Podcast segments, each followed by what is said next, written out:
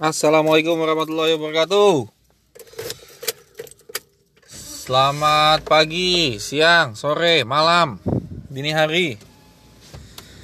Willy Jeng Enjing kepada semua pendengar Sampurasun. Bagaimana kabarnya untuk hari ini? Masih suasana liburan bagi siswa-siswi dan masih suasana after Christmas ya buat yang merayakannya. Dan kita mau menuntaskan podcast kita yang kemarin lama itu ya. Artinya kita ngebahas penutup untuk tahun 2000 untuk uh, podcast seri anak 90-an. Nah, itu podcastnya mau kita sudahi dalam arti kata produk budaya atau ingatan budaya tentang 90-an di Indonesia, terutama kota-kota perkotaan lah ya. Itu seperti apa? Nah, nah, nah, nah, nah, kita mulai bahas dari masih rangkaiannya kan kendaraan beroda dan bermotor ya. Nah, terakhir sebelum ini kan kita sudah bahas kendaraan beroda yang dimaksud tentu sepeda. Kemarin ada dua merek, Federal dan Wimcycle. Terus kendaraan bermotor yang dimaksud pertama kali adalah motor. Motor roda dua tahu? Iya, motor cycle lah ya. Nah, itu sudah kita bahas kemarin ada top 4 atau top 5-nya, yaitu hmm, uh, Yamaha, F1ZR-nya Yamaha, yang ketiga Tiger-nya Honda, yang keempat itu adalah Satrianya Satrianya Suzuki. Itu empat besar. Kalau mau jadi lima besar tambah satu lagi yaitu Kawasaki Ninjanya Kawasaki ya. Itu empat motor anak muda yang super. Selanjutnya memang ada lagi yang lain kayak Astrea Honda dan Legenda Honda Cuman Astrea dan Legenda kemarin saya kategorikan bukan motor anak muda SMP SMA, tapi lebih ke bawa bapak ya. Artinya laki-laki yang sudah berkeluarga pakainya Astrea Honda atau Legenda Honda. Honda baru mulai bikin desain yang anak muda banget itu ketika Supra ya tahun 2001. Oh, nanti ada Supra X. Saya sering banget bawa Supra X tahun 2004 ya.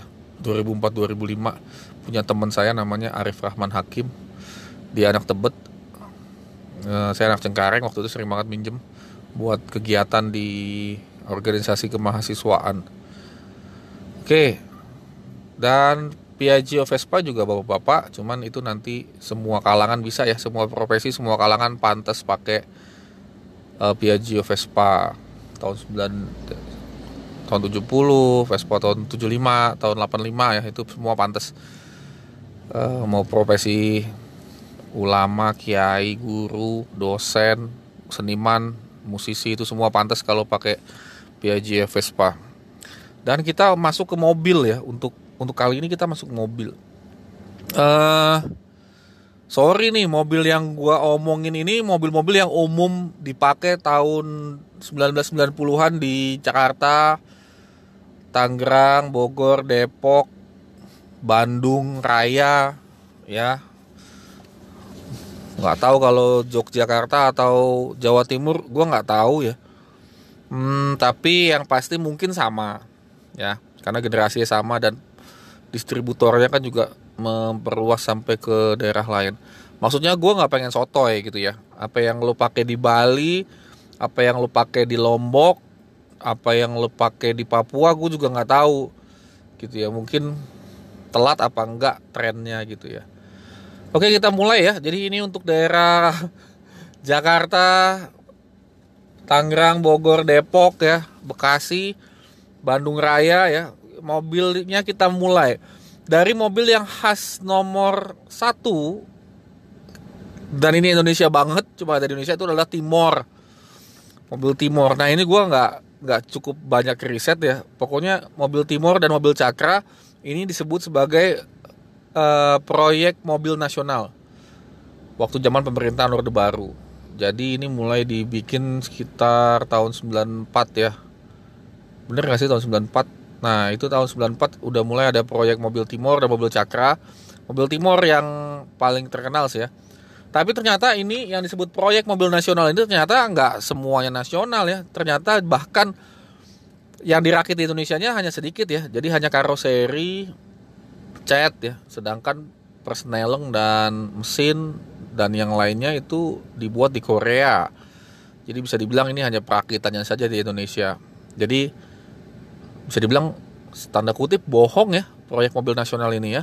Dan kemudian ketika Orde Baru runtuh reformasi tahun 98 ya Timur nggak diproduksi lagi dan memang cukup buat beberapa orang beberapa orang ya beberapa kelompok orang Timur ini cukup memalukan karena disebutnya proyek mobil nasional tapi kemudian tidak tidak nasional ini yang punya Hutomo Mandala Putra alias Tommy Soeharto uh, pendiri Partai Berkarya sekarang oke yang kedua, nah ini lu mulai umum nih selain Timor ya. Timor itu kan sedan ya.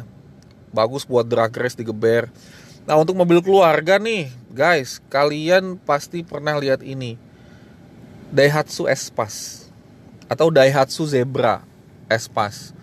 Gue nyebutnya Espas karena gue pernah naiknya dan gue lama lama ininya lama numpang di mobil Espas ini jadi Daihatsu Zebra yang udah Espas ya jadi ini tuh dibuat dari tahun 1995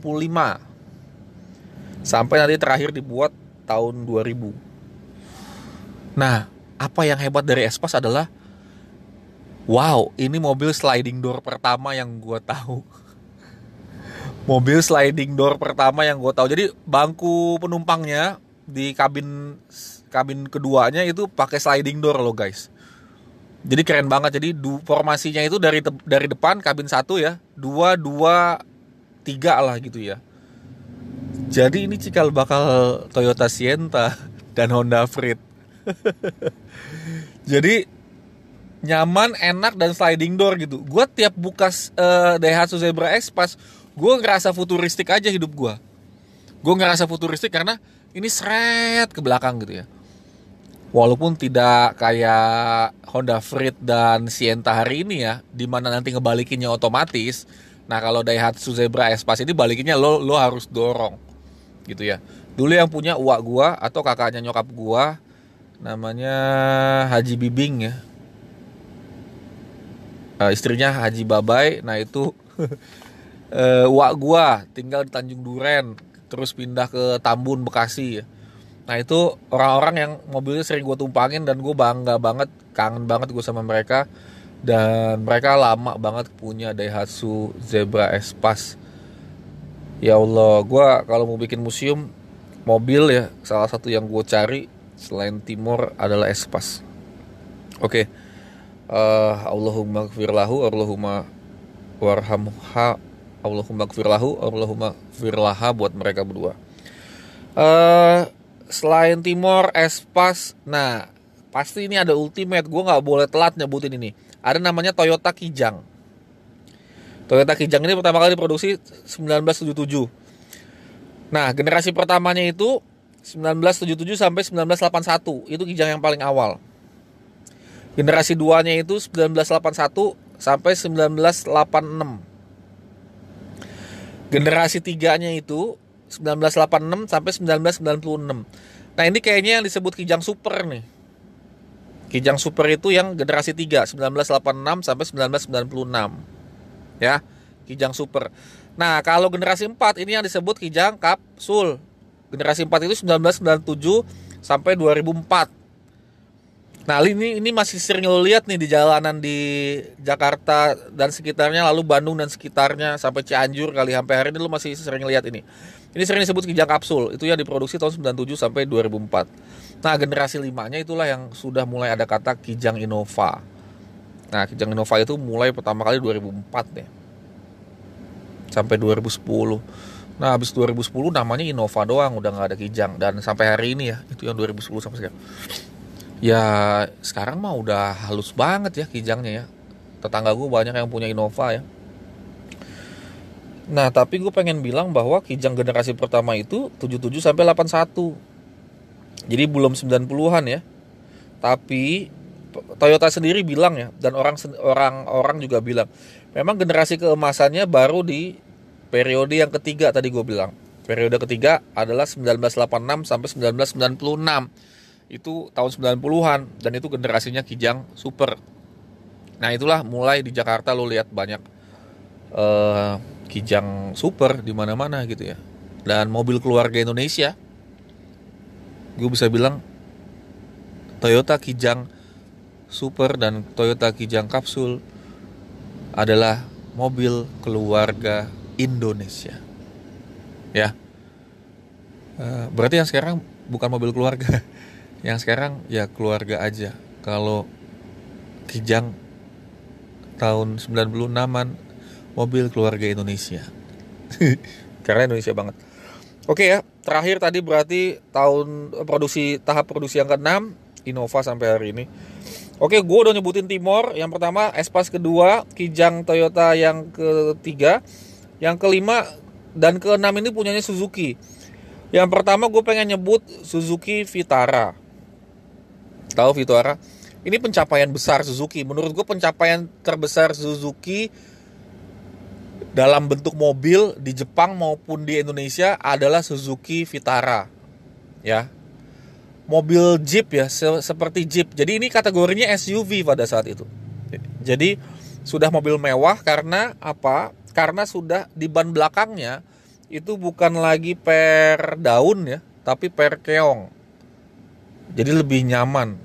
Ya, jadi laksana sedan. Lu kebayang Vitara kan ya? Vitara kayak Grand Vitara kayak lu kebayangan ya, mobilnya seperti apa ya? Mobilnya seperti Avanza kali sekarang ya, cuman lebih gepeng aja. Nah itu Vitara, itu keren banget.